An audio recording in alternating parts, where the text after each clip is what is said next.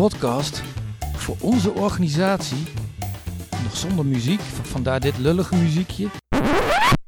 Zonder naam en misschien wel zonder publiek. Want na een gesprekje met Martine Berendsen, al 12 jaar jeugdbeschermer bij deze mooie club, weet ik het niet hoor. Waarom zou je er eigenlijk überhaupt naar gaan luisteren?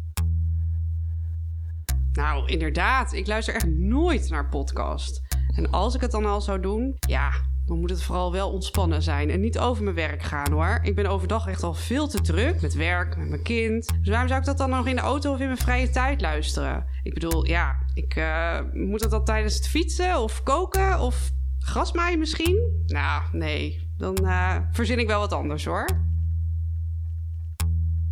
Nou, je hoort het. Fijne teaser is dit.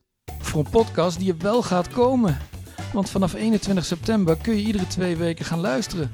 Bijvoorbeeld om te horen wat Martina ervan vindt. Of het echt een podcast voor en door collega's van alle regio's is. Die leuk is en niet de hele tijd om de hete brei heen draait. Waarin je collega's van alle regio's op een andere manier leert kennen. En waarvan je zelf de inhoud kunt bepalen. Te beginnen bij die nog niet bestaande naam. Nou luister maar. 21 september komt editie 1 naar je toe.